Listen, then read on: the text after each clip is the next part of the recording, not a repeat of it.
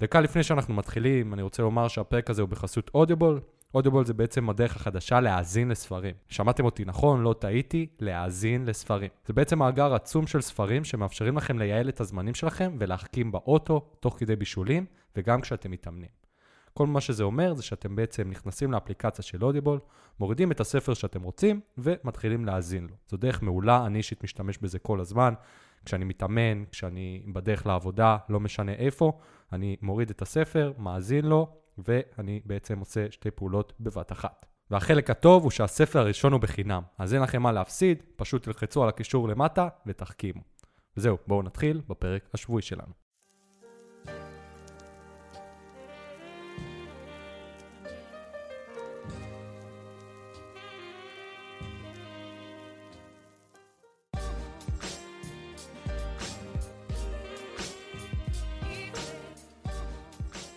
שלום לכולם וברוכים הבאים לפרק מספר 8 של פודקאסט סודה ולימון, פודקאסט רעיונות ורעיונות. והיום אני שמח לארח את ניר שניידר, תזונאי ספורט המתמחה בתזונה לספורטאים, למתאמנים, לירידה במשקל. חוץ מזה הוא גם מאמן כושר ואלוף ישראל לשעבר בשחייה. שלום ניר, מה קורה? אהלן, מצוין. בסדר גמור. אז אה, שנייה לפני שאנחנו מתחילים, אה, אולי אתה רוצה אה, לספר קצת על עצמך, מי אתה, מאיפה אתה, וואו, רק לזה צריך אה, הרבה זמן, אבל אני אעשה את זה בקצרה. באמת באתי מעולם הספורט התחרותי, הייתי שחיין תחרותי, שחיתי מגיל 13 עד גיל 22, אה, עדיין מתאמן, שוחה, הרגע באתי מאימון ואחרי זה פילאטיס.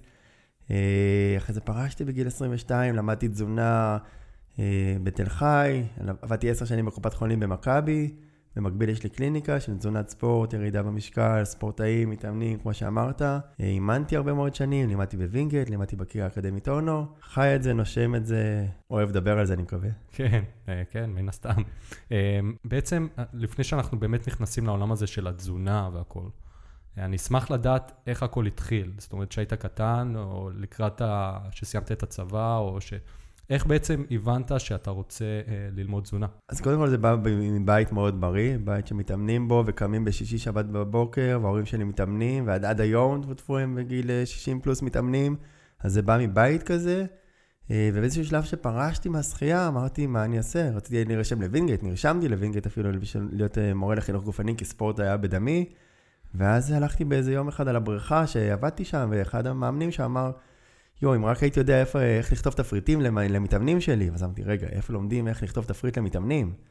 והתחלתי לחפש, ואז גיליתי באמת שיש כמה מוסדות מהפקולטה, תל חי, אז עוד לא היה אריאל, וניסיתי להתקבל, ובאמת התקבלתי במקביל גם לווינגייט, גם לתל חי, ואמרתי, אוקיי, אני רוצה ללמוד תזונה, בעיקר תזונת ספורט, אבל התזונה בארץ היא קודם כל תזונה קלינית. נכון. ומשם זה עשיתי קורס של תזונת אה, ספורט לדיאטנים, עשיתי קורס של תזונה לסוכרת, משם פיתחתי את כל הספורט, אבל העניין הזה של מתאמנים, וגם לתת להם את האקסטרה הזה, היה חסר לי, אז חיפשתי איפה ללמוד. מדהים, מדהים. אז בעצם, היום אתה עוסק בתחום כבר כמה שנים? 12 שנה, אה, עוד מעט 13. אוקיי, מעולה. 2006. אני רוצה לומר שקודם כל, אה, זה גם אה, האורח הראשון שאני ממש לא מכיר. פניתי אליו בפייסבוק בגלל שאני עוקב אחריו כבר תקופה. יש לו פוסטים מאוד מעניינים שהוא בעצם מדבר כל פעם על נושאים מסוימים בעולם התזונה והספורט והכושר. אה, פשוט שלחתי לו הודעה, שמה שנקרא, יריתי, והוא, והוא פשוט אה, אמר שלמה לא, והוא זרם. אז אה, קודם כל, תודה רבה לך שבאת. בשמחה. אין דבר שאני באמת אוהב יותר לעשות מבוא לדבר על ספורט ותזונה ולתת ערך לאנשים. להפ... מישהו להפיץ. באמת, כן, להפיץ, ומישהו יס... יפיק מזה משהו טוב, הרווחנו. כן, זה, זאת המטרה העיקרית. אז בעצם, בואו נצלול ישר לעולם הזה. אם מישהו שהוא מאזין, אחד מהדברים שאני יודע על עצמי, בגלל שאני כן עוסק בכושר אה, ועושה את זה באופן אה, עצמאי, אבל אה, גם למדתי קצת בווינגייט והכול, אז לי יש את הידע, הבסיסי פלוס בוא נגיד. אבל יש אנשים שאין להם שום ידע, ואני שומע בעבודה שלי ששואלים אותי שאלות, כי, בגלל שאני בעבודה, זה שעושה את הכושר, אז שואלים אותי, אז אני המומחה של העבודה, כל פעם זה מפתיע אותי הרמת ידע שאין לאנשים ממש בבסיס. אני מסכים. אז בעצם, מה אתה חושב שהם חוקי הבסיס אה, של מישהו שרוצה להתחיל לרדת במשקל, להיות בריא יותר, להיכנס לכושר? מה, מה הם הערכים הכי חשובים? אוקיי, שאלה, מור... שאלה ראשונה אבל מורכבת, אבל אה, אני אנסה לזרום לכיוון הזה. אני חושב שקודם כל זה צריך להתחיל בהגרלת... קודם כל זה צריך להתחיל ב... ב... בהבנה, כמו שאמרת, שהוא רוצה באמת קצת לשנות, שהוא מוכן לשנות, שהוא פתוח לשינוי, שהוא מוכן להיות קצת אפילו אולי שונה, כי הסביבה היום היא מאוד אה, דוחפת לאוכל. ואולי פחות פעילות, ובואו למעלית, עזוב אותך מדרגות, אז קודם כל צריך להבין שאתה אולי תהיה טיפה חריג בנוף, תלוי גם באיזה אזור אתה נמצא, אז... אבל לפעמים כשאתה חריג בתוך הסביבה שלך, זה יותר קשה. אז אולי זה מה שנקרא, אני קורא לזה הרבה פעמים שנאת ההפסד אה, גדולה לאהבת הניצחון. אנשים לא אוהבים להפסיד. מה, אני אעלה עכשיו במדרגות? זה כאילו סוג של הפסד, אולי נדבר על זה בהמשך. אבל אני חושב שקודם כל צריך להתחיל עם הגרלת הקניות. ברגע שאתה מוכן לעשות שינוי, אחרי זה לחשוב על מה אתה מכניס הביתה, כי זה הבסיס, או מה אתה קונה. זה באמת הרוב החיים. סוף שבוע פה ומלון אה, שם, זה לא החיים. חג פה וחג שם, תמיד אומרים בגלל החגים, זה, זה בקטנה. היום-יום, הגרלת הקניות, איפה אתה עושה קניות, איפה אתה אוכל בצהריים, עם מי אתה יושב לאכול. אני חושב שמשם הייתי מתחיל. כן, זה ממש נכון. אני יכול לומר על עצמי, שוב פעם, בגלל שאני היחיד שמתאמן, נראה לי, בעבודה שלי באופן קבוע, שאני באמת מרגיש שונה מכולם, וכולם גורמים לי להרגיש שונה. שנגיד יש אירוע של העבודה, ויש את העוגות ואת כל הדברים, ואני לא אוכל, אנשים מסתכלים עליי כאילו... חצי ב... לא יודע אם לומר גועל, אבל חצי כאילו ב, ממש בצורה של למה אתה עושה את זה לעצמך. ו, ואני מסתכל על זה, למה אתם עושים את זה לעצמכם. בדיוק, זה, זה, זה קצת להיות חריג ודווקא לסחוף איתך את, את שאר האנשים כי אתה עושה משהו טוב, אבל קשה להתמיד במשהו טוב שכל הזמן מטפטפים לך למה אתה עושה את זה, למה אתה עושה את זה, אבל זה אפשרי, אני חושב שאם אם, אם זה מספיק חשוב לאנשים, לא הפחד, השבוע, השבוע שאלו אותי באחד הקורסים, איך אני אפחיד את אבא שלי מספיק שהוא יפחד לעשות את השינוי. זה לא יבוא מפחד, זה יבוא מערך למה אני עושה את זה, למה חשוב לי, למה חשוב לי עכשיו להתאפק, או לשנות, או להחליף. אה, והערך, כאילו, למה אני עושה את זה, ולא ממה יקרה לי אם אני אוכל, ואוי ואבוי אם אני אוכל, או אוי ואבוי אם אני לא אתאמן. ו... נכון, בעצם צריך להיות סוג של איזון. אה, אני יודע שאצלי ההורים שלי גם, הם לא אוכלים בריא בכלל, ואני כל פעם מנסה לומר להם, אה, תעשו ככה ותעשו ככה, וכל פעם שהייתי בא אליהם ב... הפחדה. כן, בהפחדה או בתקיפות, ואמרתי להם, אתם חייבים. זה, זה גיר שכבר לא צחוק, 60 פלוס. והם פשוט היו סוג של מתעלמים או צוחקים עליי. ונגיד, אמרתי בוא נחליף את האורז הלבן באורז מלא. סתם, בוא נתחיל בלייט. ואבא שלי, לא, לא, לא, לא, אני לא רוצה, זה לא טעים לי, זה לא טעים לי, אין מצב. ויום אחד אמרתי, אני לא אגיד לו כלום. אני אכין אורז, וזה יהיה במקום אורז לבן, אורז מלא. והוא פשוט בסוף הארוחה שאלתי אותו, נו, איך היה? הוא אמר לי, מעולה, זהו. אמרתי לו, זה אורז מלא, כאילו, מה, מה אתה רוצה? מה ההבדל? נכון, אז קודם צריך לבוא בנועם ובכיף, וגבר, אם הוא היה מספיק רעב, הוא אכל כנראה, כנראה שהיה מספיק רעב, אבל באמת צריך, צריך לבוא לא בהפחדה, אלא בנועם וברגישות, וניסה לדייק את זה עוד טיפה, כשאנשים רואים איזשהו ערך, זאת אומרת, לא להגיד להם, אתה יודע מה יקרה לחיים, אלא מה חשוב לך בחיים? חשוב לך לטייל בעולם? חשוב לך לראות את הנכדים? חשוב לך לראות את ה... את מי, מה חשוב לך באמת? ואז, אוקיי, אם אני אוכל בריא, אולי אני אוכל יותר לטייל, אני אהיה יותר בכושר, אני אראה את הנכדים שלי שיהיו בריאים, דברים כאלה, זאת אומרת, מה, מה מדבר אליו. ולא סוכר בדם או כולסטרול, כי לא מרגישים את זה, לא רואים את זה, נכון. זה לא נכון. מפחיד. מה, מה מדבר אליו? או באמת להנגיש, כמו שעשית בדיוק, בדיוק כמו שעשית, להנגיש את זה. בוא תנסה, יכול נכון. להיות שזה יהיה טעים, פשוט להנגיש. כשזה מתחת לאף, נכון. זה עולם אחר. יש מחקר, אם יש לי שנייה, כן. מחקר מאוד מאוד מעניין, לקחו אנשים, שתי קבוצות של אנשים, וחילקו אותם לקבוצה אחת שאכלה אוכל אולטרה מעובד, וקבוצה אחת שאכלה אוכל בריא. נתנו להם בעצם במשך אה, שבועיים לבוא לאכול כמה שהם רוצים מאוכל שהם מגישים להם, אבל כמה שהם רוצים. הקבוצה שאכלה מאוכל אולטרה מעובד אכלה 500 קלוריות יותר ועלתה במשקל, הקבוצה שאכלה רק מאוכל בריא ירדה במשקל, רק מזה שנתנו להם לבחור מה שהם רוצים, רק אבל... שינו את סוג המזון. כן. מדהים, מאוד מעניין. רק ההנגשה, ננגיש לאנשים אוכל בריא, ננגיש להם אוכל מעובד. נכון, אני, וההנגשה הזאת, זה משהו שאני שם לב בתור מישהו שכן מקפיד, מקפיד, שזה מאוד מאוד קשה. כי כשאני הולך לסופר, אני צריך לחפש בנרות. זאת אומרת, בארצות הברית יש את הול פודס וכל הרשתות האלה שהן יותר קצת בריאות. בארץ זה יותר קשה למצוא את המקומות האלה, אה, את המדפים בסופר שהם היותר בריאים, וצריך ידע יותר מבסיסי בשביל להבין מה באמת טוב ומה לא, ולקרוא לכל אחד מהאריזות את הערך, את הרכיבים ואת הערכים הקלוריים ואת, וכל הדברים האלה. זה נכון, אני מאוד מסכים, בסוף המטרה של הסופר היא בעיקר למכור. נכון. לעשות, אבל מצד שני, יש מלא אנשי מקצוע, דיאטנים, דיאטניות, אוקיי, שיעזרו בשמחה, דרך אגב, בקופת חולים, זה באמת ברמה של להעביר כרטיס ולבוא ול, ולהתייעץ. אה, נכון, אבל בעיה שעושים את זה פעם, פעמיים, שלוש, אתה יודע מה אתה רוצה או מה אתה צריך, וזה קצת יותר קל. אה, אפשרי, אפשרי לקנות היום. בריא יש את המבחר, זה לא נכון. שאין, יש את המבחר, אבל צריך טיפה להיות מפוקס. זה טיפ-טיפה מיושן, אבל עדיין עובד.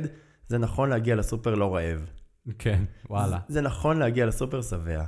זה באמת יותר קל לקבל החלטות שאנשים רעבים, באמת, זה מחקרית אה, בדוק מה שנקרא, אה, אנשים יותר רעבים או שהם עייפים, הם אגרסיביים יותר, הם אימפולסיביים יותר, הם גזעניים יותר, הם שוביניסטים יותר.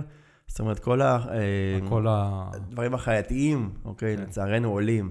אז אדם שהוא ישן טוב ואכל טוב, יכול לקחת החלטה יותר מושכלת, ולבחור יותר נכון, גם על הכביש, אבל גם בסופר. מעולה, אז עכשיו אם חברה שלי תשלח אותי לסופר, אני אגיד לה, קודם כל תאכילי אותי. בדיק, או בוא נשב ונאכל קודם, ואז... כן.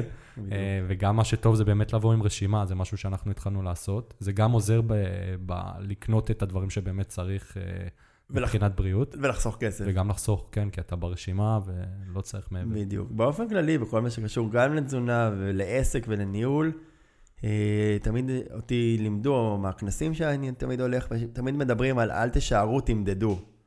או במילים אחרות, תרשמו, אוקיי? ויש אפשר לעקוב אחרי זה, אז באמת אפשר למדוד את זה. אם רשום לך ברשימה, אז זה יותר מפוקס, כי זה משהו שהוא מדיד ולא תביא בערך. נכון. ובעצם זה קישור טוב לשאלה הבאה שלי. יש את הנושא של, אה, שהיום כולם אומרים של אה, ערך קלורי, שזה בעצם הדבר היחיד, נראה לי, שמשפיע על אה, עלייה או ירידה במשקל, וכל הנושא של אה, חלבון ושומנים ופחמימות. חד משמעית.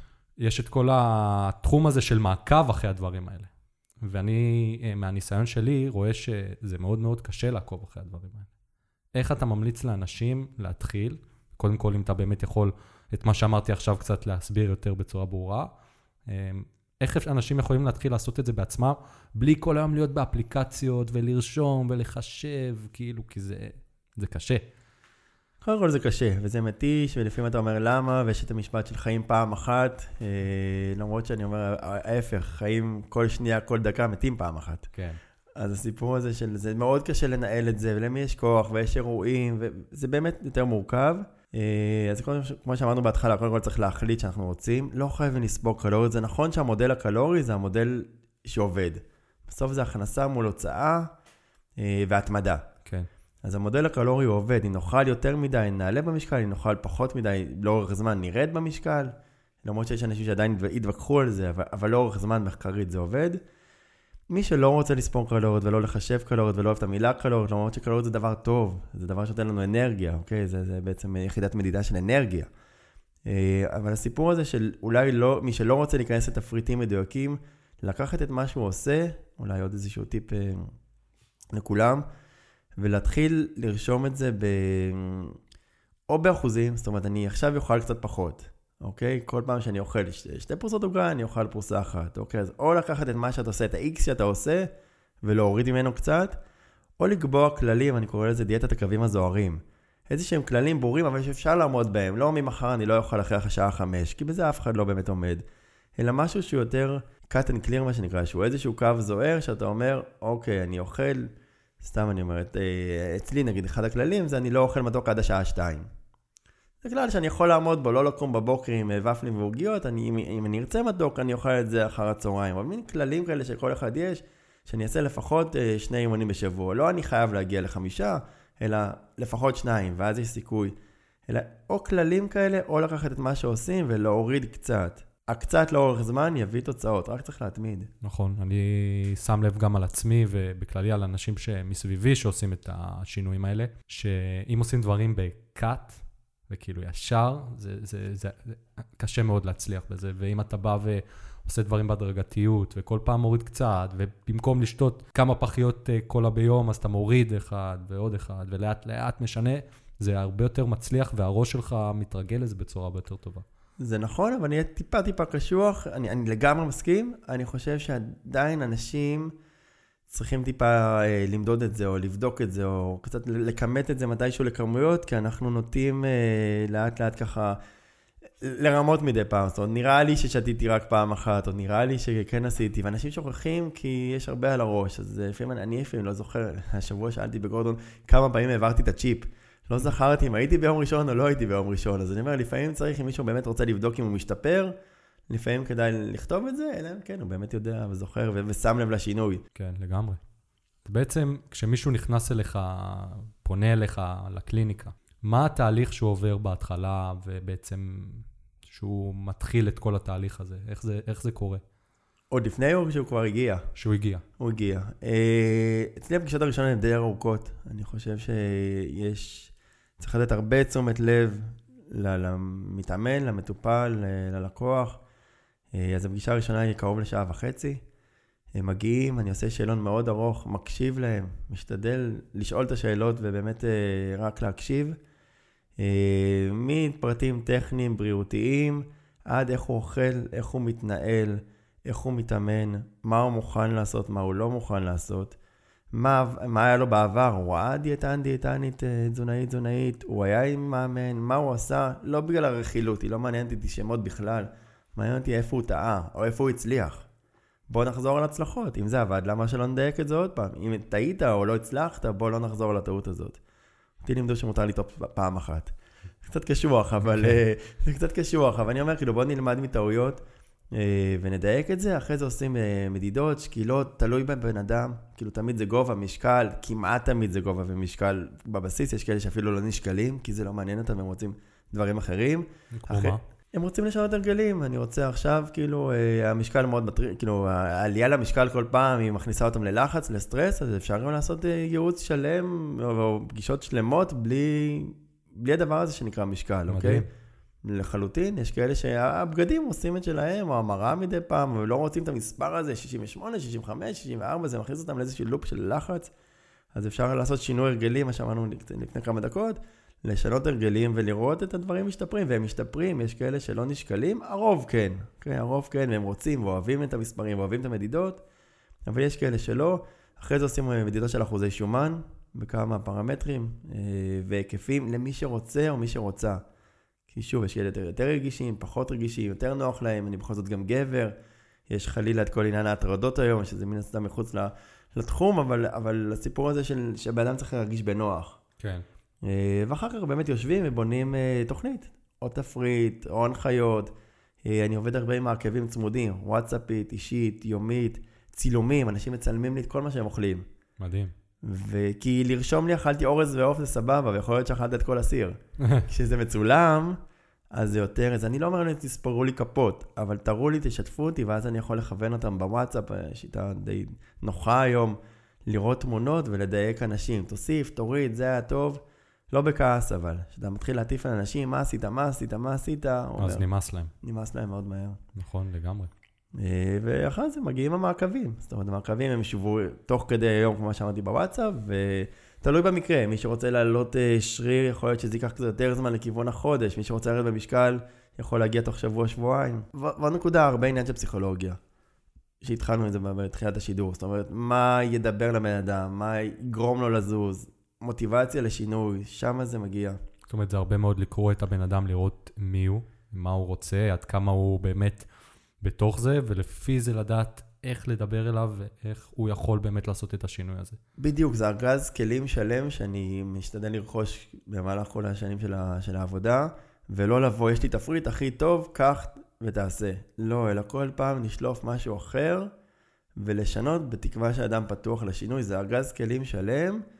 ולא דרך אחת, וזה חשוב, כי אם יש לך רק כלי אחד, אתה מתייחס לכולם באותה מהות או דרך. כן, וכל בן אדם הוא שונה לגמרי.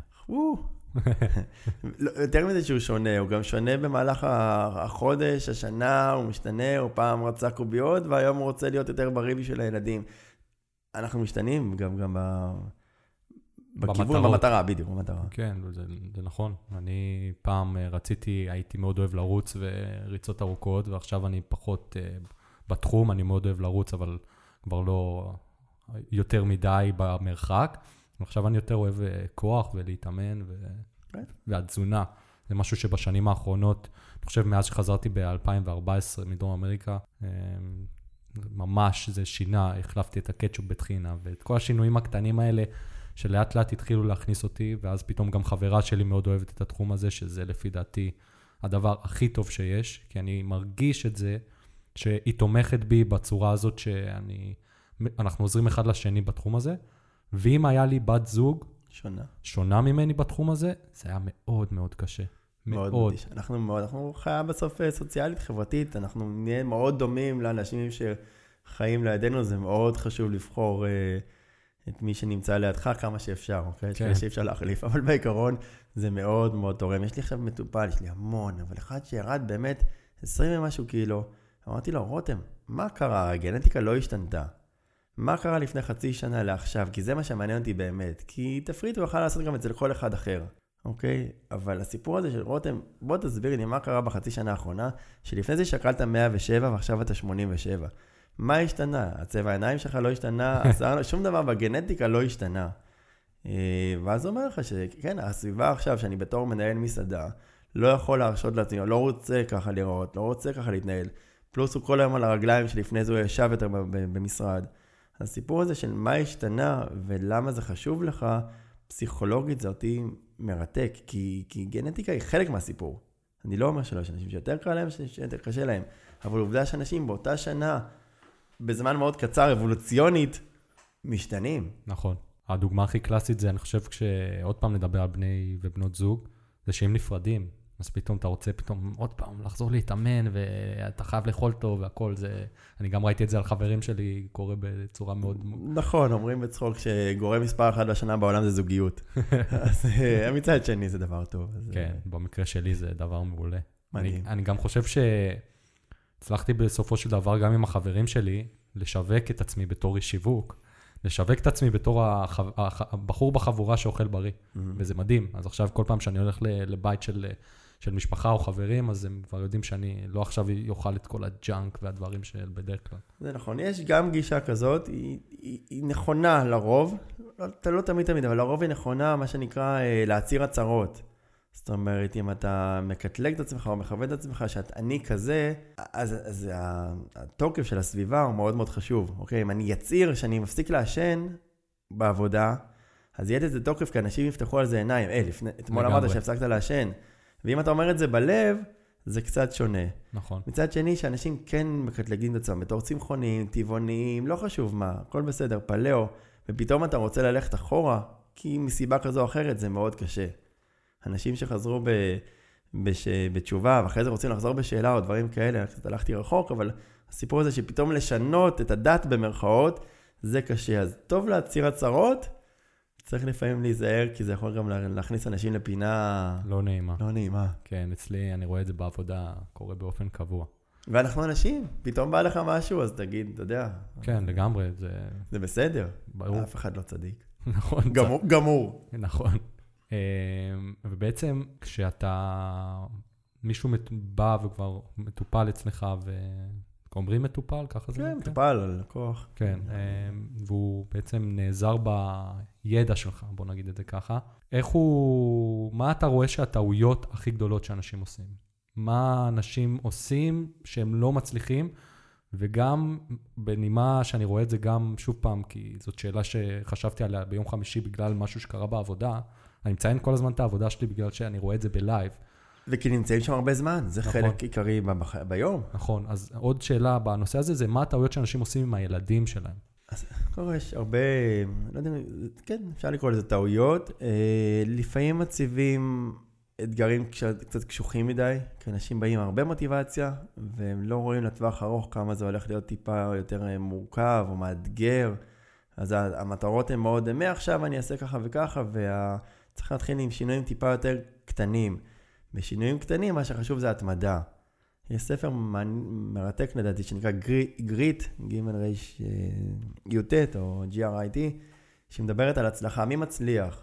הסיפור הזה של הצלחה מתחיל מאיזשהו כישרון. כישרון כפול אה, התמדה נותן לנו מיומנות. מיומנות כפול התמדה נותן לנו הצלחה. זאת אומרת, ההת- ההתמדה חוזרת פעמיים. אז אחד הדברים שאנשים מפספסים זה באמת העניין של ההתמדה. של אוקיי, שמתי יעדים, אולי אני יכול לשנות אותם תוך כדי ולהתמיד, זה הדבר הראשון. אה, טעויות גדולות, אני חושב שזה שוב מתחיל בהגרלת הקניות ובמחשבה, בעיקר במחשבה מול האוכל, איך אנשים מנהלים, לפעמים זה נשמע כאילו האוכל אוכל את האנשים ולא אנשים אוכלים את האוכל. כן. אז, אז אני אומר, הסיפור הזה של מה, כמה משמעות הם נותנים לדבר הזה שקרה כרגע, אני מדבר טיפה יותר פסיכולוגית. טכנית, אה, על מה אנשים נופלים ברמת הטעויות, אני חושב ששמן, שומן, האוכל הבריא לפעמים, הטחינה, דברים שהם נורא בריאים, אה, שיבולת שועל, אגוזים, שקדים. אבל מגזימים, אתה אומר שהם מגזימים. זאת אומרת, אה, אתמול הגיע מטופל מדהים, בן 74, והוא אוכל מאוד בריא, אבל המון בריא. זאת אומרת, אנשים מרוב שגם הכניסו להם כמה זה בריא וזה בריא, אז אנשים בורח להם, במיוחד טחינה ודברים כאלה, שמן זית, שזה, אבל זה בריא, אז שמים. כן. ומבחינת הילדים, תשמע, אני, אני לא הורה, אה, אבל מאוד קשה להגיד לילד אה, לא, או להגיד לו תיקח פחות, או לעצור אותו באמצע, כי זה, אתה רוצה, אוכל זה חום, זה אהבה, זה פינוק, זה משפחה. אז מאוד קשה לעצור ולשים גבולות, ואולי הטעות או הקושי הגדול, אני אגיד, בהורות היום, אני חושב, זה לשים גבולות. גם לנו כאנשים, אחד לשני, אה, וגם מול הילדים, איך לשים את הגבולות, איך לקנות משהו שהוא קצת פחות, אוקיי, תיקח פעם היה שוקו שוקו שוקו בננה. היום יש מגנום של 400 ומשהו קלוריות. זאת אומרת, איך אני אקח אפילו קסטה או משהו כזה שזה 150 קלוריות, ואני לא אקח עכשיו קוקילידה שהיא 300 ומשהו, לתפוס אותי כן. לקלוריה. אז איך אני אמכור לילד במרכאות, כך זה מספיק טוב, כי זה גם מה שהיה פעם. לא, אבל אני צריך את העוגה אקסטרה, אקסטרה, אקסטרה, כי גם לחבר שלי היה, ואם לא יהיה לי כמוהו, אני פחות טוב או פחות עכשיו. נכון, זה באמת עניין של הרגל. נגיד, אה, אני וחברה שלי, בגלל, כמו שאמרתי, שאנחנו מאוד אה, חושבים בריא ובתזונה וגם בכושר, אז אנחנו, אין לנו עוד ילדים, אבל אנחנו כבר מדברים על הדברים האלה. איך נגרום לילדים שלנו לקחת סנדוויץ' לבית ספר, שהוא יהיה כאילו בריא, ושהילדים האחרים לא יצחקו עליהם, למה, איפה השוקולד, איפה הזה, כאילו, זה, זה קשה. אצלנו אומרים בבית, מה, מה, מה שלא יודעים לא קיים. זאת אומרת, אח שלי, יש לי אח בן 20 והיום כבר 25, יש שם, נתנו לו, אימא שלי מרחה לו בעיקר אה, ממרח חרובים. והיא אמרה לו שזה שוקולד. והוא גדל ככה עם ממרח חרובים בתור שוקולד, בתור שוקולד, באיזשהו שלב הוא התפכח, אבל אה, שנים הוא אכל ממרח חרובים, כי זה מה שהוא קיבל. האחיינים, האחיינים שלי לא ראו מקדונלדס, לא טעמו מקדונלדס שנים על גבי שנים, ועד היום הם לא כל כך מבינים מה הרעש, אז כאילו זה עניין שפשוט לא חשפו אותם לזה, ויש בתים שחושפים מאוד מוקדם לג'אנק, משהו שאני מאוד קשוח איתו זה נושא הקפה. ונס קפה זה פשוט חשיפה וזה התמכרות. האמא נותנת לילדה איזה שלוק קטן מהאייס קפה, וזה מתוק, כזה טעים, וזה פשוט עניין של הרגל. הרבה מאוד באוכל ובכלל זה עניין שפשוט, כל השיח הוא שינוי הרגלים. אז, אז העניין הוא פה לא התפריט, כמו לשנות את ההרגל, או לא להתחיל עם ההרגל. נכון. אה, במיוחד בתור אה, הורים לילדים, זה יהיה מורכב שזה יגיע לגן וחברים וכאלה, אבל... תראה, גם בבית, אני אקח את זה למקום קצת אחר, של אה, בית דתי או בית זה, זה הם יגידו בבית, אצלנו בבית לא רואים טלוויזיה, אצלנו בבית משהו כזה, אני בכלל, אני חילוני, לצורך העניין, גמור, אבל אני מכיר את האוכלוסייה, אז אני אומר, אם אצלהם בבית זה ככה, אז אצלהם בבית זה ככה, וככל שההורים יותר חזקים זה ולא נשברים, יהיה יותר קל. לגמרי, זה ממש נכון. נתת לי דוגמה טובה עם הקפה. אה, אני דרום אמריקאי, כאילו, אני הצבא הראשון של המשפחה, אבל ההורים שלי דרום אמריקאים והם מכורים לקפה ברמות הכי גבוהות שיש. חושב ההורים שלי שותים uh, מעל, uh, כמה? שבע, שמונה. יותר, וואו. כן, הרבה מאוד ביום. Um, ואני לא שותה קפה. הם אף פעם לא נתנו לי לטעום, וזה מדהים. הם, וזה הכי מובן מאליו שהם, המכורים, ייתנו כן. לי קפה. ואף פעם לא שתיתי, כאילו, כן שתיתי כמה כוסות, אבל... Uh, אני יכול לשב על, האצבע, על האצבעות בידיים שאני יכול לספור את כמות הפעמים שטעמתי, וזה פשוט לא בשבילי. וואלה. כן, אז זה גם, זה עניין של משיכה, ועניין של הרגל, ועניין של חינוך, אבל זה אפשרי. כן. ובעצם, דיברת מקודם על גנטיקה, וזה משהו ש... אני באמת רציתי לשאול, וזה גם, uh, התייעצתי קצת עם חברים, לשאול מה, מה הם היו רוצים לשאול uh, אותך, אז הם באמת שאלו על הנושא של הגנטיקה. בעצם, האם יש אנשים שלא משנה מה הם יעשו, הם כאילו לא יוכלו באמת להגיע ליעדים שהם רוצים. יש לי אנשים שאומרים, אני רוצה קוביות בבטן לדוגמה, אני לא אוכל להגיע לזה, לא משנה מה אני אעשה, הגנטיקה שלי לא טובה. זה, זה, זה, יש בזה באמת? תראה, אנחנו כן שונים גנטית, אוקיי? אי אפשר לזה, גם באותו ספר אה, היא מתחילה עם גנטיקה. יש שוני גנטי, אבל הוא חלק, אה, הוא קיים בסיפור, הוא לא החלק המהותי בסיפור. אה, חוביות בבטן, זה, הערה טובה. אני מעריך, תראה, כולנו מס- מסורטטים בסוף, אה, או בנויים, זה נכון, אה, אותו דבר. עם עבודה מספיק קשה, אני מעריך שכמעט את כולם נוכל להביא לשיפור מדהים בתוצאות. השאלה מה זה עבודה קשה, כמה זה ייקח. אבל אנחנו שונים, אנחנו שונים. יש את זה שעובר ליד, רק עובר ליד המאפייה ומשמין, לא עצר אפילו. עובר ליד המאפייה ומשמין, ויש אחד שנכנס לחדר כושר, נוגע רק במשקולת, והיד שלו יותר גדולה מהראש שלי. אנחנו שונים. אה, אבל על ספורט ושרירים זה באמת הגנטיקה, כן, יש בה, תפ... יש בה תפקיד, אבל עדיין אני אגיד שיש יותר אלופי עולם שיושבים בבית, מאשר כאלה שנמצאים על המגרש. זאת אומרת, רוב האנשים שהצליחו להגיע למשהו, הם פשוט התמידו והשקיעו אה, והמשיכו ולא ויתרו. אפשרי, אבל יש מחקרי רעב, לא עלינו, מחקרים שעשו ב-1930 בערך, וכל מי שהרעיבו אותו ולא אכל ולא אכל ולא אכל, חלילה, ירד וירד וירד במשקל. זאת אומרת, אין אחד שניצח שהגנטיקה או היא הייתה של השמנה, והוא לא ניצח אותה עם זה שהוא הרעיב את עצמו. האם הוא יעבוד, יתאמן, יתאמן, יתאמן ויראה קוביות? אני רוצה להאמין שרובם כן, אני לא חושב שזו מטרה אה, נכונה ועילאית, מה שנקרא, אבל... אה, לגמרי. אבל אני חושב שכל אחד יכול להשתפר באחוז מאוד גדול, הרבה יותר ממה שהוא חושב, אם הוא יעבוד נכון ויתמיד. להשתפר ביג טיים. האם כולם יכולים להיות הכל? כנראה שלא. לגמרי. ובעצם דיברת, אתה מקשר לי טוב מאוד את השאלות שלי לדברים שאתה כבר מדבר עליהם. אתה באהבה. מדבר על אה, מחקרים. ויש הרבה מאוד מחקרים, וכל יום משהו חדש מתפרסם, וכל פעם משהו אחר. איך אתה בעצמך, ואיך אתה ממליץ לאחרים להסתכל על המחקרים האלה, ולמה, אני לא אגיד להאמין, אבל למה להקשיב ולהבין שיש פה משהו, ולמה להבין שיש פה בעצם אה, מסר, כאילו, משהו נסתר שאנשים מנסים לדחוף לך, בוא נגיד את זה ככה.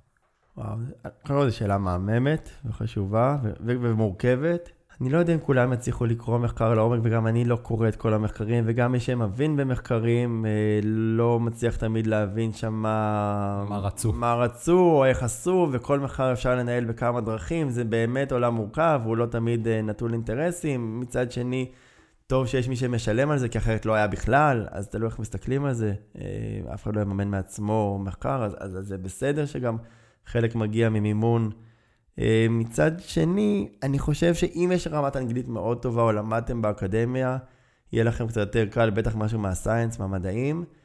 אם לא, אני חושב שהדרך הנכונה היא לבחור לכם את המנטור קואוצ'ר שמבין במדע, ואו לשאול אותו, או לעקוב אחריו. אני חושב שמי שלא בא מעולם הבאמת המדעים יותר, או שהוא פתוח לזה, או שהאנגלית ברמה מאוד גבוהה, ו... וגם אנחנו כאנשי מקצוע רואים מחקר ומתייעצים ושואלים, יש לנו קבוצות של דיאטנים של ספורט, ואף אחד לא אומר, אני ראיתי ככה וזה עובד ככה. אנחנו גם בין עצמנו מתייעצים, ולכן אדם שממש ממש לא מהתחום, אני חושב שיותר נכון שיהיה לו מה שנקרא מנטור קואוצ' של מישהו שעוקב אחריו, ואפילו לשאול, תגיד, מה אתה אומר על המחקר הזה? זה, זה עדיף לשאול מאשר להסיק לבד את המסקנות. דרך אגב, וגם אני עושה את זה, שוב, עם אנשי מקצוע, תגיד, מה אתה חושב? גם אתה חושב כמוני, או אחרת? אה, לא לקחת משהו, לקחת את זה כאילו כטאבו, כי היה רשום באיפשהו בתקשורת. זה... אבל אנשים עושים את זה כי, במיוחד שזה מתחבר למה שהם האמינו בו. לגמרי. זה כל כך נכון. אין לך... הייתה לי מטופלת ש- שהיא באה והיא הייתה אחרי לידה, ובלידה צריך, אחרי לידה בהנקה צריך איקס קלוריות, אמרתי לה, תקשיבי, את האיקס הזה אנחנו לא יורדים ממנו. והיא אמרה לי, אבל יש לי יועצת הנקה שאמרה לי ככה, ואמרתי, לה, תלכי לעוד ארבעה אנשים, את תמצאי את מה שאת רוצה לשמוע. אבל מבחינתי זו האמת, ואני דבק בה, ואנחנו לא נשנה מבחינתי כל עוד את אצלי. ברור לי שאם תלכי לעוד כמה אנשים, אז את תמצאי את מה שאת רוצה לשמוע. את רוצה לשמוע שזה אפשר פחות, אפשר יותר, שקוקוס הכי טוב, שחמאה הכי טוב, אתה תמצא מישהו שיגיד לך ש... נכון, לפני, אני חושב, חודש בערך, שוב פעם, מישהי מהעבודה באה אליי ואמרה לי שאם מישהו אוכל בריא, "Hmm? האוכל הבריא, גילו במחקרים שהוא מסרטן. ואני הסתכלתי ואמרתי, מה, מה זה אומר בכלל? מה זה בריא? מה זה לא בריא? איך זה מסרטן? כאילו, כן. זה, היא פשוט בחרה להאמין לזה, כי זה נוח לה. אה, אוקיי, האוכל הבריא מסרטן, אז אני צריכה להמשיך במה שאני עושה ביום-יום. כן, כשאנשים ב- בהכחשה, אתה צודק לגמרי, כשאנשים בהכחשה או בהתנגדות, הם לא, הם לא פתוחים להקשבה, וזה בסדר. דרך אגב, מתוך, לצורך העניין, 100% אנשים, או 100, 100 אנשים, 40% נמצאים במצב שבכלל שלא מוכנים כרגע לעשות שינוי. 40 אנשים שפונים למטפל. הם עדיין, מה שנקרא, מעגל השינוי, לא אכנס לזה כרגע, אבל 40% מהאנשים שבאים לטיפול, עדיין לא מוכנים לעשות איזה שינוי. זה איזשהו שלב בתהליך של שינוי, בתקווה שהוא יקרה, אם הוא יקרה. אה, אבל היא, זה בסדר, אני אומר, אבל, אבל בכלל סרטן במשפט זה הרבה, אה, לי אמרו זה pure bad luck. זאת אומרת, יש פה עדיין הרבה עניין של אה, גם מזל רע וגם עוד הרבה דברים, גם, גם גנטיקה וגם אה, סביבה, עישון, השמנה, תזונה, זיהום, הרבה דברים נכנסים לפה, אבל אם היא בוחרת להאמין בזה, אני אחזור לשאלה יותר נכון, אם היא בוחרת להאמין בזה, זה שלה, וצריך לשחרר. אני אף פעם לא אתווכח. בוויכוח אף אחד לא שכנע בן אדם אחר. נכון. אז ברגע שהיא תרצה ותהיה פתוחה להקשבה, באהבה, אני אף פעם לא אתפוס אנשים ברחוב ואגיד להם, מה אתה עושה? היי, תפסיק לעשן, היי, למה אתה אוכל את זה? כזה מישהו עם קורסון ברחוב, לתת לו ככה, להעיף לו את הקורסון, תעיף את זה? חלילה, אני יותר מזה, גם המשפחה לא מתערב. אם בן אדם פתוח להקשבה ויבוא לשאול שאלה, כמו שאנחנו עושים כרגע, באהבה. בן אדם שלא רוצה, תניחו לו. זה צריך להיות באמת לבוא מהבן אדם. תניחו, אין, אה, אי אפשר לשכנע. בוויכוח, בדיון, אה, זה לא יקרה. כן. זה פשוט לא יקרה. נכון, נכון, זה כמו פוליטיקה. נכון, ואז אנשים כאילו סתם עוד יוצרים יותר אה, מין... אה, אנטגוניזם. בדיוק, בדיוק. אנטגוניזם, התנגדות אחד לשני, שלפני זה הייתה סבבה ועכשיו זה נהיה יותר גרוע. אוף, אני, מה אני עכשיו, אני לא רוצה לאכול איתו צהריים, הוא כל פעם מסתכל עליי ואומר לי למה אתה אוכל את זה ולמה אתה אוכל את זה. אל תעירו, אל תעירו, אנשים זה, בסוף יש את המרחב האינטימי של כל אחד, ואל תעירו. נכון. טוב, אז בעצם זה החלק, עשיתי לעצמי מין אה, סדר קצת שונה הפעם בפרק. זה השאלות כאלה על התחום של התזונה, אה, כלליות כאלה. ובעצם שמתי לב, וכמו שאמרתי, ששאלתי חברים שלי ומשפחה מה הם היו רוצים לשאול אותך, היו שאלות שחזרו על עצמם. אז אמרתי, בואו נעשה פינה שנקראת uh, פינת הטרנדים סלאש מיתוסים, ובעצם לראות מה דעתך. עכשיו, חשוב לומר שדעתך uh, זה מאוד מגוון, זאת אומרת, כמו שאמרת לי לפני שהתחלנו את הרעיון, זה נושא שצריך ללכת איתו בעדינות, ואין מישהו שיודע בדיוק זה נכון וזה לא נכון. נכון, ומה שאנחנו יודעים או לא יודעים זה נכון גם ל-2019, נקודתית. זאת אומרת, וזה משתנה, והעולם משתנה, ומה שחשבנו פעם לאו דווקא עכשיו. אז כל מה שאני אגיד בכל מקרה זה נכון לכרגע, עד שיוכיחו אחרת. נכון, אז בעצם הנושא הכי חם ששאלו אותי עליו, זה על הסרט uh, The Game Changers, ועל הנושא של טבעונות, שבעצם זה סרט, uh, סוג של דוקומנטרי של נטפליקס, שמדבר על נושא הטבעונות. Uh, מציגים שם ספורטאים שהם uh, ספורטאי על, שהם מתאמנים uh, וטבעונים uh, כולם, ארנולד שוורצנגר, uh, לואיס המילטון מפורמולה 1, uh, הרבה מאוד. יש שם כמה טובים. כן, ובעצם דיברו על הנושא של טבעונות. מה הדעה שלך בנושא של הטבעונות? אוקיי, אני מנסה פה ללכת בזהירות, בזהירות, בזהירות, כי אני מכבד בטח את עניין המוסריות וכל מה שקשור לסביבה וחיות וכדומה, אז עם זה אין לי שום ויכוח. אה, צריך קודם כל להבין שזה סרט. סרט, אוקיי, מישהו ביים אותו, הפיק אותו, כמו מחקר לפעמים, מן הסתם מימן אותו. זה סרט של ארלון שוונצנגר, מי שזוכר משלחות קטלנית 2, אבל צריך את זה בפרופורציות. כן. אז זה מתחיל מזה, זה סרט של... וזה לא מדע מדויק, אוקיי? לקחת, יש שם קטע בסרט שלוקחים מבחנה אחרי האוכל של ג'אנק, ומבחנה אחרי האוכל של אה, בלי שומן, וכמובן רואים ביום למחרת אה, שומן במבחנה, וכשלא אוכלים שומן אז לא רואים... מן הסתם יהיה שם שמן או שומן במבחנה ביום של אחרי האוכל. אז יש פה דברים שאנשים ככה, מן המניין נקרא לזה, לא יבדילו ב... מה אמיתי ומה מן הסתם, זה כמו שעושים אה, לפני בדיקת דם, עושים צום, בשביל לא לראות את הדברים האלה, או לראות את האמת, אז, אז כל זה קצת עניין של קצת, אה, אה, אני יודע איך לקרוא לזה, מין שטיקים כאלה של, של סרט. אבל זה לא מדע מדויק. אני חושב שכן התזונה, בוא נדייק את זה, התזונה היותר צמחונית, היא כנראה, כנראה תזונה יותר בריאה נכון להיום. אם מישהו היה בא להתייעץ איתי, או חלילה בן אדם חולה היה מתייעץ איתי, אני חושב שכן הייתי אומר לו תוסיף דגנים וירקות ופירות, ועל זה אני לא חושב שיש ויכוח מבחינת. מה יותר בריא, אוקיי? הרבה פעמים זה לוקחים קיצון, שלוקחים משהו מאוד ג'אנק ולמשהו מאוד בריא, אז רואים באמת שיפור. שתיים, זה לא מחקרים מבוקרים, מה שנקרא double blind. double blind זה שהנבדק לא יודע מה הוא קיבל. פה הוא יודע שהוא שינה תזונה, והוא גם רוצה להוכיח את זה. אז יש פה איזה אינטרס של מי ש... אוקיי, שפתאום, אוקיי, שיניתי את התזונה ומאז השתפרתי ביצועים. הוא רוצה גם להוכיח כי... כי זה עובד לו, אוקיי? או להוכיח שזה עובד. אז אני בעד תזונה צמחונית. הם מדברים הרבה על תזונה מהצומח, ולאו דווקא טבעונות, לא ויגן. מי שהקשיב טוב בסרט, הם מדברים הרבה מהצומח, ולאו דווקא ויגן לגמרי. רוב הספורטאים שלוקחים תוספים, אוקיי, יש שם אחד, אחד האנשים החזקים שם בעולם, הם לוקחים תוספים מפה להודעה חדשה, אז יש להם השלמות, ולכן ההגבלות האלה לאדם, שוב ככה, כמוני נקרא לזה היום, חובבן שמתאמן, אה, זה לא בדיוק כמו שיש לך מאמן, ויש לך עוד אנשים שמכינים לך את האוכל. צוות שלם שעומד. צוות ותוספים, ואתה לוקח עוד, אה, עוד חומרים, זה קצת אחרת. אבל אני חושב שתזונה צמחית, או מבוססת גם על הצומח, היא תזונה נכונה. אם אנשים יעקבו אחרי בדיקות דם, B12 וכאלה, הם יכולים להיות סופר בריאים וטבעוניים צמחונים. אישית אני לא אה, טבעוני, אה, אני מעריך שגם אתה, בתור כן. אמריקאי, אבל אה, אין לי התנגדות, אני חושב שזה עדיין סרט, אוקיי? ולפי סרט, לא, אתם לא תרצו שלפי סרט הרופא בבית חולים ייתן לילד שלכם תרופה או חיסון. או, או משהו כזה, לפי סרט שראו שנגיד, סתם נגיד שכימותרפיה לא עובדת. ולפי זה הרופא יקום בבוקר ויגיד, אה, ראיתי בסרט, בואו עכשיו נשנה את כל ה guideline של בית חולים, לפי מה ששוורצנגר אמר בסרט. נכון. אז אני לא נגד, אבל יש איזה פירמידת הוכחה שהיא לא סרטים וגם לא ספרים, לא נכנסים לפירמידת ההוכחה המדעית. ולכן יש דרך להוכיח מדעית, והרפואה מאוד מתקדמת היום. הרפואה המערבית היא מאוד מתקדמת, ולכן אף guidelines של בית חולים לא הלך לפי סרט, כבדהו וחשדהו.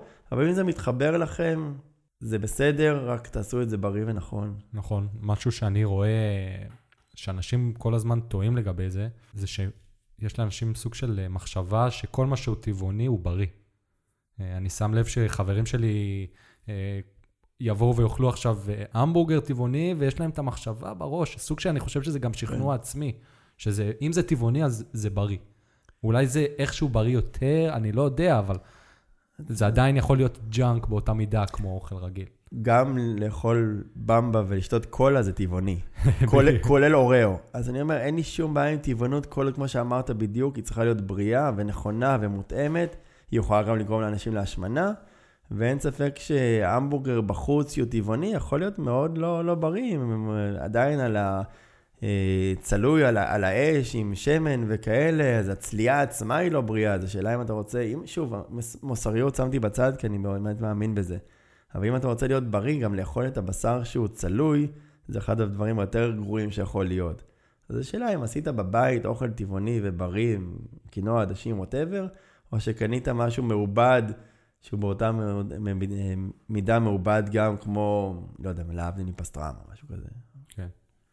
אה, אוקיי, אה, קודם כל... אבל זה נושא שאפשר לדבר עליו באמת. אין סוף, אין סוף, כן, אבל אני ממליץ לכולם לראות את הסרט הזה, וכן, מההתחלה לבוא עם ערבון מוגבל, להבין שזה בכל זאת סרט, כי יש שם, ממה שאני ראיתי, הספורטאים הם, אין מחקר באמת, כמו שאמרת, מאחורי מה שהם אומרים, הוא בא ואומר, מאז שהתחלתי להיות טבעוני, אה, התוצאות שלי טובות יותר.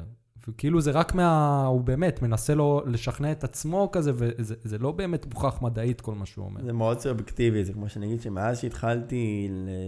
לעשות פילאטיס וגם שיניתי את התזונה, צריך לראות איזה עוד פרמטר, אז לא כואב לי הגב. אני צריך לראות איזה פרמטרים נכנסו למשוואה הזאת, יכול להיות שהוא גם העלה את העצימות, ואנשים לא שמים לב שהם משנים משהו, הם גם משנים עוד משהו במקביל, ו... והם לא יודעים להפריד, כי זה לא מחקר מדעי, זה מאוד מאוד סובייקטיבי. תראו את הכל, רק בעיניים יותר ביקורתיות. מעולה. אה, מה דעתך על כל התחום של פלאו וקטוגני? אז עכשיו אנחנו לצד השני לגמרי, הלכנו לצד השני לגמרי. אה, זה מורכב. קודם כל, יש מקרים שהקטוגני והפלאו עובד לחלוטין. אה, גם בקופת חולים הייתה לי מטופלת עם סוכרת, עם כבר קו שלישי של טיפול בסוכרת, עם שלוש תרופות ואינסולין. ובאמת התזונה הקטוגנית אה, הורידה את הסוכרת לגמרי ברמה שהיא הורידה את האינסולין, וזה משהו שראיתי בעיניים שלי, אז אני לא יכול להגיד שזה לא עובד. אה, לא לאכול פחמימות. יש לזה גם יתרון. השאלה תמיד מה המטרה. אותה אה, אישה שהגיעה, הייתה לה סוכרת מאוד לא מאוזנת, ובשבילה כרגע הדבר הכי חשוב היה לאזן את הסוכרת, וזה עבד.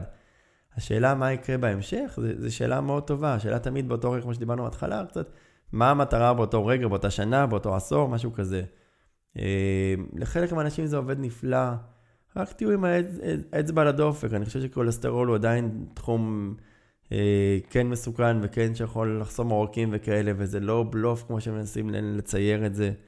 אז אני אומר, יש אנשים שאכלו הרבה מאוד ג'אנק ושתו קולה וזה, ופתאום עברו לפליאו, עברו לקטוגני, וזה עשה להם טוב, כי לפני זה, מה שהיה זה קרנבל. אז השאלה מאיפה שיניתם לאן, אני, קשה לי קצת עם תזונה שהיא ללא ירקות. אתה יודע, ירקות, פירות אני עוד יכול להחליק, אבל אני חושב שירקות, בעיקר, קצת מוזר לי שזה לא נולדנו לאכול גם ירקות וסיבים, וגם פירות אני אכניס. אה, אבל בשר שהוא נקי, ו... אני חושב שזאת אופציה, אוקיי, מקטוגני, אבל הסיפור של הרבה מאוד שומן, אישית, מהניסיון שלי, קצת פחות מתחבר לאורך הרבה מאוד זמן לאכול שומן. זה גם לא יכול להיות לא טבעי, אני אדייק את זה. זאת אומרת, גם בטבע אתה לא אוכל כמויות חמאה, או דבר, אתה לא אוכל, גם אם אתה תופס חזיר, אוקיי?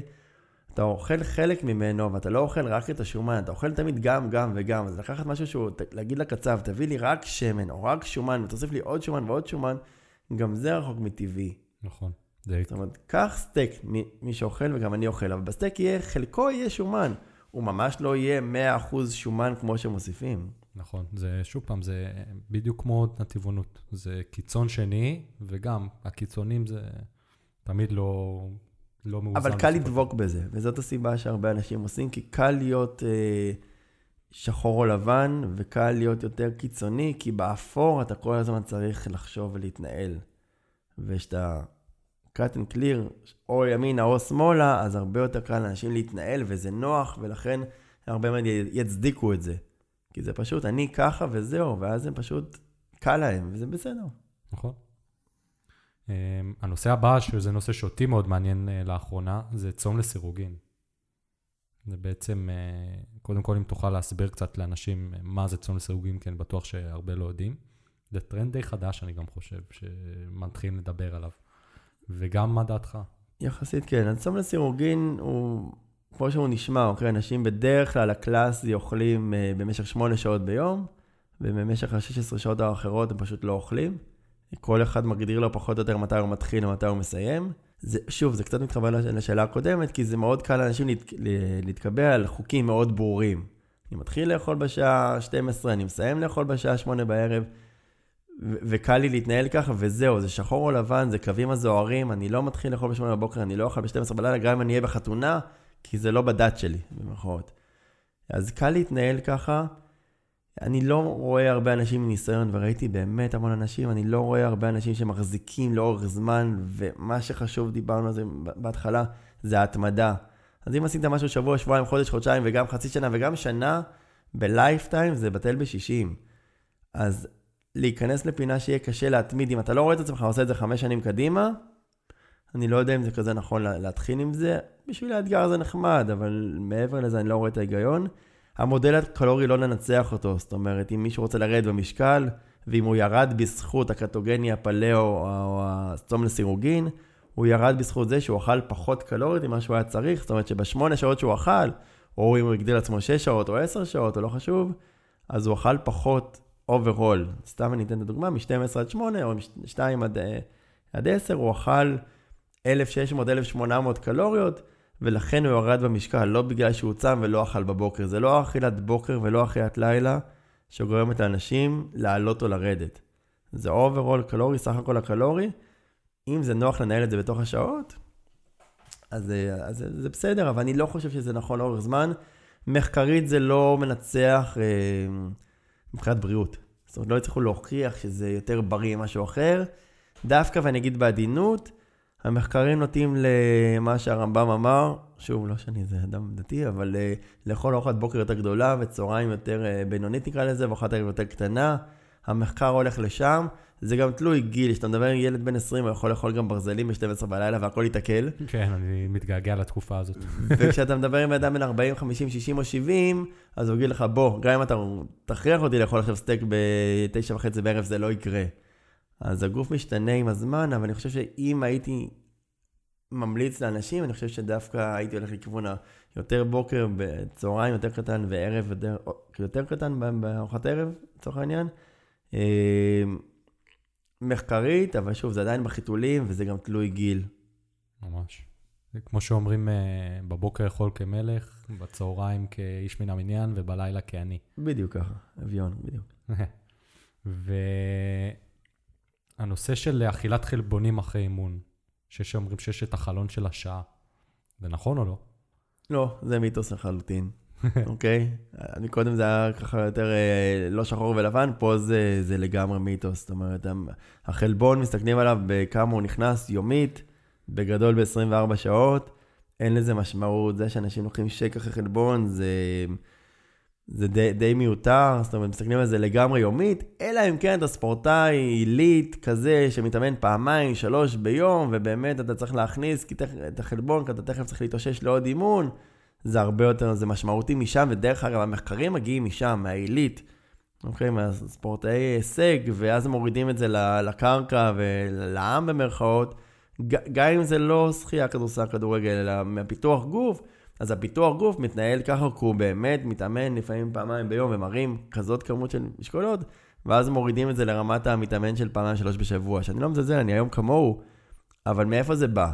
מפיתוח גוף שלוקחים גם חלקם, לא כולם, סטרואידים וכדומה, אז זה ירד משם. מסתכלים על חלבון בשורה התחתונית יומית. כמה אכלת ביום, תחלק את זה לכמה ארוחות ביום, יעבוד. מדהים. והשאלה האחרונה בפינה הזאת, זה הנושא של פירות. האם צריך להגביל? זאת שאלה שכמה אנשים שאלו אותי. אה, גם שאלה מעולה וטיפה מורכבת. אה, אני חושב שכל דבר לא צריך להשתולל ממנו, לא ימינה ולא שמאלה. אה, בדרך כלל ההמלצה תהיה שניים, שלושה פירות ביום. זה כן בעודף, במיוחד אם זה בא בשייקים ובמיצים, ומשם כן יכול להעלות את הטריגליצרידין, לפעמים את הסוכר. לא הייתי מגזים מזה, זה עדיין סוכר, עדיף מסוכר אחר. אני חושב שפירות זה דבר בריא. אני לא חושב שהייתי משתולל, בסוף זה גם קלוריות, אה, כן ויטמינים, כן מינרלים. לא רואה סיבה להגזים משום דבר, באמת, כאילו, למה בכוח להיכנס באיזה פרי, שניים, שלושה ביום, תלוי ב... אני חושב שגם נכון לאכול את הפירות של העונה, יש בזה משהו, על זה יש קונצנזוס, כאילו, אם עכשיו תכף יהיה חורף, אז פירות עם יותר אה, ויטמין C באמת, עם פירות הדר, אבל זה נכון לאכול את הפרי העונה, כי הוא נותן את הכי הרבה ויטמינים מינרלים לפי העונה שלו, זה, זה נכון, לא המצאתי את זה. אה, אז תלכו עם פירות העונה בתקווה שלא קפואים, אה, הוקפאו והופשרו מלפני שנתיים, לי בסופר כל מיני דברים מוזרים כאלה, אבל לא הייתי משתולל עם פירות. לא רואה סיבה למה כן, חוץ מזה טעים. כן, זה מאוד טעים. אוקיי, אז תראה, בעיקרון עכשיו סיימנו את השאלות שקשורות לעולם התזונה הארדקור, ובעצם לקראת הסוף יש את הנושא של השאלות הכלליות, שזה שאלות שאני שואל את כל אורח שהוא מגיע. ואנחנו פשוט רואים מה התשובות. אז השאלה הראשונה זה, אם לא היית תזונאי ולא היית בכלל קשור לעולם הספורט, מה היית עושה? וואו, אני אישית אוהב את העולם המוטורי מאוד, יש לי תחביב כזה, לנסוע לאירופה, לקחת את הרכב ספורט, אז אני מעריך שיש לי עוד שלוש אהבות בגדול, אחד זה התחום המוטורי, מכוניות דווקא, זה משהו שאני מאוד אוהב, ואולי הייתי הולך לשם. אם כי זה ריסקי, אז uh, לא ממליץ לכולם. תחום מדהים. Uh, זה משהו שהאהבה שלי. האהבה השנייה היא, היא חיות. יכול להיות שהייתי הולך לכיוון משהו ברמת החיות, גם כשהייתי צעיר עבדתי יותר עם חיות וכאלה. זה משהו שאני מאוד אוהב. והאופציה השלישית היא דווקא מוזיקה, די-ג'יי הייתי. כן. מגניב. הייתי הולך לכיוון המוזיקה, אז אני אומר שמכוניות חיות מוזיקה זה ה... כזה. מדהים, אז אם פעם אתה צריך uh, ציוד די-ג'יי, אני, המקום שאני עובד ביום-יום, אז הוא מייבא ציוד די-ג'יי, אז uh, כן, דבר איתי, מה שנקרא. שמוזיקה, אני לא חושב שיש לי שם כישרון, אבל אם הייתי מתמיד, אולי הייתי מצליח, אבל כן. אני, אני אוהב את זה. כן. איפה אתה חושב שתהיה עוד 10-20 שנה? וואו, שאלה מהממת. א', אה, לא רחוק מאיפה שאני היום. אני מקווה מאוד. כרגע, כאילו, אני מאוד אוהב את הקליניקה, אני מלמד קורסים, לא כל כך דיברנו על זה אולי טיפה בהתחלה, אני מלמד הרבה מאוד קורסים פרטיים עכשיו לתזונת ספורט אה, וירידה במשקל ומסה. אני מאוד רוצה לפתח את עניין הקורסים, ללמד, לתת ערך, ידע אה, למאמנים וגם למתאמנים, אז אני מאוד אוהב את הקטע של ללמד ולהרצות, אה, זה אחד. אני די אוהב את העניין של הרדיו, אז אני רוצה אולי גם להיכנס ככה לעולם הרדיו, זה מעניין אותי מאוד. ולכן אני גם שמח להשתתף בכל פודקאסט שהוא. לטפל, לתת עוד ידע, ללמוד יותר. יש לי תוכניות קדימה, אבל זה לא משהו שונה מהעולם שכרגע. זאת אומרת, זה לא... אתה אומר שהנתיב שאתה נמצא בו זה... כרגע, למרות שגם uh, תזונה לא ידעתי שאני אגיע אליו, הייתי בטוח שיהיה לי בית ספר לשחייה, באתי מעולם השחייה, אז uh, לפני שני עשורים לצורך העניין, חשבתי שאני אהיה יותר בעולם השחייה ובית ספר לשחייה, אז העולם, דברים משתנים, אבל כרגע אני מאוד רוצה להמשיך את הקליניקה, יש לי תזונאית מהממת שעובדת אצלי בקליניקה, ואני רוצה להגדיל אותה עוד לעוד כמה תזונאיות או תזונאים, אה, לגדול שם, ללמד עוד. זה הכיוון. מדהים. אה, האם היית עושה משהו שונה בחיים שלך? זאת אומרת, אם היית יכול ללכת אחורה בזמן ולתת לעצמך איזה טיפ להמשך. חד משמעית. אה, אני חושב שהעשור של בין גיל 20 ל-30, חוץ מזה שהוא הלך לכיוון הלימודים של התואר וקורס מאמנים וקורס, וכל הקורסים של הלימודים, אה, די ביליתי המון. ביליתי המון, ואז עוד תחום שמאוד מדבר אליי זה כל התחום העסקי והביזנס, ואני רוצה עכשיו להתנדב באיזה ארגון שקשור לניהול עסקי והחינוך לכסף. אה, ואיך לנהל אותו יותר נכון, לא דווקא להתעשר או דברים כאלה, לא להיות גרידי, אבל איך לנהל את זה, זה תחום שמאוד מושך אותי. ובעשור של בין גיל 20 ל-30, כל פעם שהיה לי פלוס, הייתי קונה לי מה שבא לי. ובאמת, זה מאופניים ולשני סוגים, וקסדות, וטיסות לחו"ל וכאלה, והייתי מבזבז המון. ואני חושב שהסיפור של חיסכון ולנהל את זה פחות, הייתי קורא יותר. אני חושב שלקרוא יותר היה מביא אותי למקום עוד יותר טוב, מאשר עוד בירה ועוד בירה ועוד בירה. היה כיף, אני לא אגיד שלא, אבל אני חושב שאם הייתי קורא יותר ומתחיל לקרוא קודם, הייתי נמצא היום במקום עוד יותר טוב. העניין של הקריאה, לא סרטים, אוקיי? אבל הקריאה, אני חושב שזה תחום שחשוב לפתח אותו, ושם אני הייתי נמנע מזה. מגיל צעיר הייתי נמנע מלקרוא, וזה כאילו הייתי רואה סרט רק לא לקרוא, ככה הייתי עושה... שיעורי בית, שור... אתה... בדיוק, דרך הסרט ו- וכאלה. לקרוא ופחות לבזבז את הכסף על בירות. לגמרי. אני יכול אה, לומר על עצמי, שאני באמת בתחום הזה של החיסכון, זה תחום שמאוד מעניין אותי, ואני באמת בהמשך אה, מתכנן להביא אורחים שידברו על העולם הזה. אה, זה תחום מאוד מאוד מעניין, ואני גם רוצה לטפוח לעצמי על השכם, שבשופינג האלה שהיה עכשיו בתחילת החודש, הדבר היחיד שצ... שקניתי זה ספר, כאילו. מדהים. כן, שהצלחתי לעצור את עצמי מהרעשי רקע, שלאמת לא היו כל כך הרבה, כי היו מבצעים גרועים, אבל באמת, אה, עכשיו צריך לראות מה יהיה בשופינג IL, שזה האתגר האמיתי. שם אנשים נראה לי הולכים להתפרע. אה, אני באתי עם רשימה מאוד מוכנה של דברים שאני צריך. ושבע. בדיוק, לבוא שבעים, נכון. כמו בסטנדאפ, שאתה אומר בהתחלה פאנץ', ואז בסוף אתה חוזר עליו. חוזר לגמרי. כן. אמ, שאלה שאני חושב שאני יודע את התשובה אליה, אבל בכל זאת אני אשאל. אם היית יכול להיות uh, שר כלשהו בממשלה, uh, כמו שר הבריאות או שר החוץ, איזה שר היית רוצה להיות ולמה? כרגע הייתי הולך על הספורט, אבל אני חושב שבהמשך החיים הייתי הולך לכיוון הבריאות. זאת אומרת, אני חושב ששם זה משהו שאפשר לעבוד, לעשות שינוי מאוד גדול, וכשתשאל את האנשים לאורך החיים מה באמת חשוב להם, זה הבריאות שלהם. תמיד. וזה תמיד חשוב, אבל ככל שאתה מתבגר יותר, אתה מבין כמה שזה חשוב, וכל השאר הוא יחסית שולי. אה, ואני חושב ששר הבריאות זה משהו שדווקא אה, ינצח את שר הספורט לצורך העניין, או חינוך וספורט. מגניב, אז ידעתי שזו תהיה התשובה. ניחשתי לעצמי, אבל טוב. כן, לגמרי, זה התחום, אה, זה תחום מאוד מאוד חשוב, שתמיד יש עוד מה לעשות. הייתי ספורטאי מצטיין, ג'ובניק, הסיכוי שאני אהיה שר הביטחון או משהו כזה, הוא קטן. כן, זה, בחדשות זה לא היה נראה טוב אם היו מכריזים עליך כשר ה... כרגע לא. אמ, שאלה שהיא די ברורה, אבל אני שואל אותה בכל זאת, אה, איזה סוג של כושר שאתה עושה?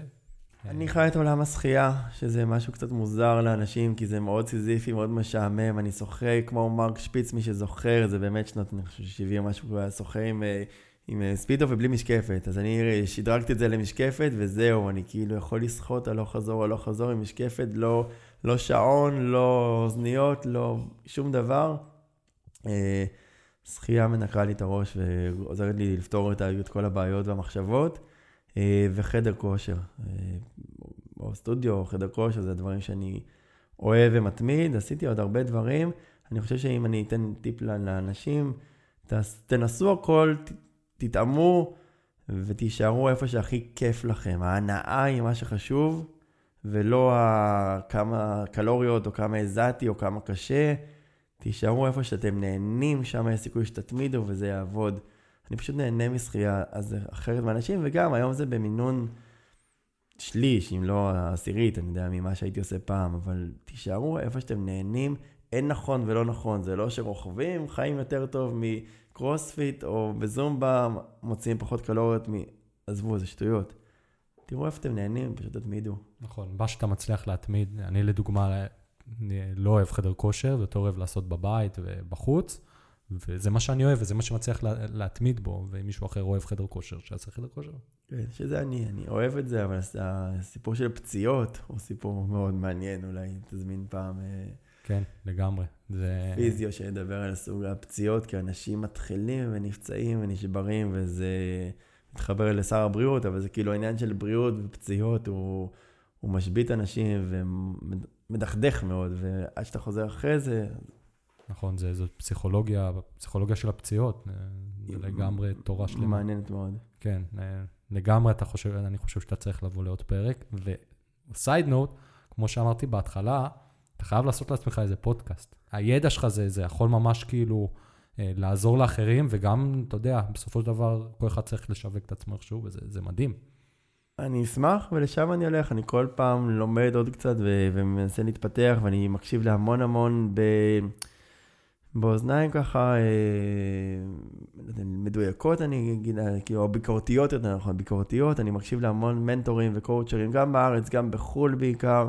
צריך להיות ביקורתי, לא לקבל את הכל, אבל uh, העניין של הפרסום, השיווק בעיקר, הוא מאוד מאוד חשוב, ופודקאסט זה אחד הדרכים שאני רוצה השנה להתפתח בהם. נכון, ובארץ זה עוד, ב, אפשר לומר, חיתולים. בחיתולים כן, לעומת ארה"ב זה מתפתח, אבל uh, יש לאן, יש, לא כל הפינות תפוסות, בוא נגיד ככה. Um, וזה עוד פעם מתקשר, אתה עוד פעם מקשר אותי לשאלה הבאה. אולי הייתי צריך להיות סטנדאפיסט, היינו צריכים להיות. כן. אה, הנושא של אה, פודקאסט, אם יש לך פודקאסט אהוב, או המלצה לספר, סרט, אה, כל דבר שאתה חושב שאנשים יכולים ללמוד ממנו? אז זה כל הזמן מעניין, כי אין הרבה ספרי תזונה, בטח לא בעברית, טובים בארץ, בטח לא לתזונת ספורט. יש תזונה פרי מחשבה, זה הספר הכי בסיסי של תזונה של לכולם, כאילו, לא לספורטאים דווקא, אין הרבה ספרים בעברית. גם באנגלית, ובכללי, כן. לאו דווקא של תזונה, דברים שאתה חושב שיכולים אה, לעניין אנשים. אה, אני מאוד אוהב לקרוא כל מה שקשור לטיפול, אז כל הספרים של ארווין יהלום הם קצת יותר הארדקור אה, נקרא לזה, אבל הם מאוד מעניינים. הספר המדהים של פרופסור קהנמן, לחשוב מהר, לחשוב לאט, ספר גאוני, קצת מורכב וקשה, אבל אני חושב שזה ספר מאוד מומלץ. גריט, כמו שאמרתי בהתחלה, ספר לדעתי מרתק על מי מצליח ואיך מצליחים. כל שאר הספרים יותר ממש טיפוליים שאני קורא, הרעיון המוטיבציוני, מי שרוצה לטפל ורוצה לראות איך עושים שינוי. כל מה שקשור לרעיון המוטיבציוני, אפשר לחפש את זה גם ברשת, אני חושב שזו דרך נכונה, איך עושים שינוי, מי מצליח לשנות הרגלים. אה, כן, אז ההמלצות של הספרים שנתת יהיו, יש אה, מין אקסל באתר של הפודקאסט, יהיו שם את הרשימה שאנשים יוכלו אה, להיכנס ובעצם אה, לראות מה מעניין אותם. אה, וזהו, שנייה אחת לפני שאני מסיים, אני כן רוצה לתת לך פה במה, לבוא ולומר שיש לך בעצם קורסים שאתה עושה. נכון, יש לי גם את הקליניקה שלי שהיא בהרצליה כבר 12 שנה, ויש לי את הקורסים שלי שהם קורסים אה, למאמנים בגדול, אבל מגיעים גם אה, קהל רחב או, או מתאמנים שזה מעניין אותם, וזה באמת כאילו, זה חלק מהם. אה, ובקורס אני מדבר באמת על כל מה שקשור למסה, חיטוב, דיאטות, סוגי דיאטות, מרחיב קצת מעבר כמובן למה שדיברנו פה. אה, איך בונים תפריט ברמה הזאת, אני חושב שזה בסדר שאנשים ידעו להרכיב לעצמם או לדייק לעצמם. אה, כל העניין הפסיכולוגי אני מדבר, שאני מדבר, אני עושה סדנת מדידות, איך מודדים אחוזי שומן, איך עוקבים אחרי אנשים. אני קצת מדבר גם על העניין, השיווקי והפרסומי והניהול עסק נקרא לזה יותר נכון, איך מנהלים עסק. אה, על חלבונים, יש שעה וחצי על חלבונים, יש שעה וחצי על פחמימות, יש קורס שלם על באמת כאילו מיתוסים, יש שעה וחצי על תוספי תזונה, מה עובד, מה לא עובד, השוק מלא בתוספים. אז לפחות לדעת מה עובד, מתי לקחת, איך לקחת. אה, אני אשמח שאנשים יבואו לקורס שלי, זה קורס באמת, אה, אני עכשיו לא, לא אובייקטיבי, אבל המשובים הם כן אובייקטיביים, אבל המשובים באמת מאוד טובים. ועובדה שהצלחתי למכור וחמישה קורסים, למלא אותם בחמישה חודשים. אני יותר מאשמח שתבואו. מעולה, ואני חושב שיש מצב שגם אני אצטרף מתישהו לאחד מהקורסים. באהבה, באמת אנשים באים ולומדים, ואני באמת אוהב ללמד. מעולה, מדהים. אמ, אז ניר, תודה רבה לך. בשמחה. היה לי באמת אה, את העונג אה, לארח אותך. תמיד לפני פודקאסט יש את החשש הזה, את הדופק, כאילו אתה עולה כמו להרצאה מול אנשים שיש את האדרנלין הטוב הזה. ותמיד יש חשש שמשהו יקרה, אה, ותמיד אני מסיים פודק... את כל פודקאסט עם תחושה של אה, פשוט כיף. אז באמת היה כיף לארח אותך. תודה. אני חושב... הדדי, נעים ונחמד וכיף. מה שאמרת זה בדיוק מה שאני אומר לעצמי, לפעמים כשלא בא לי ללכת להתאמן, אני אומר לעצמי, תקשיב, אחרי אימון, תמיד כיף לך. נכון. עוד לא קרה פעם אחת שהלכת לאימון ואמרת, למה הלכתי? נכון. אז עכשיו קום ולך. בדיוק, בדיוק, נכון. צריך, מה שנקרא, כן, טוב, לא נעשה בזה, אבל just do it. נכון, just do it, נכון.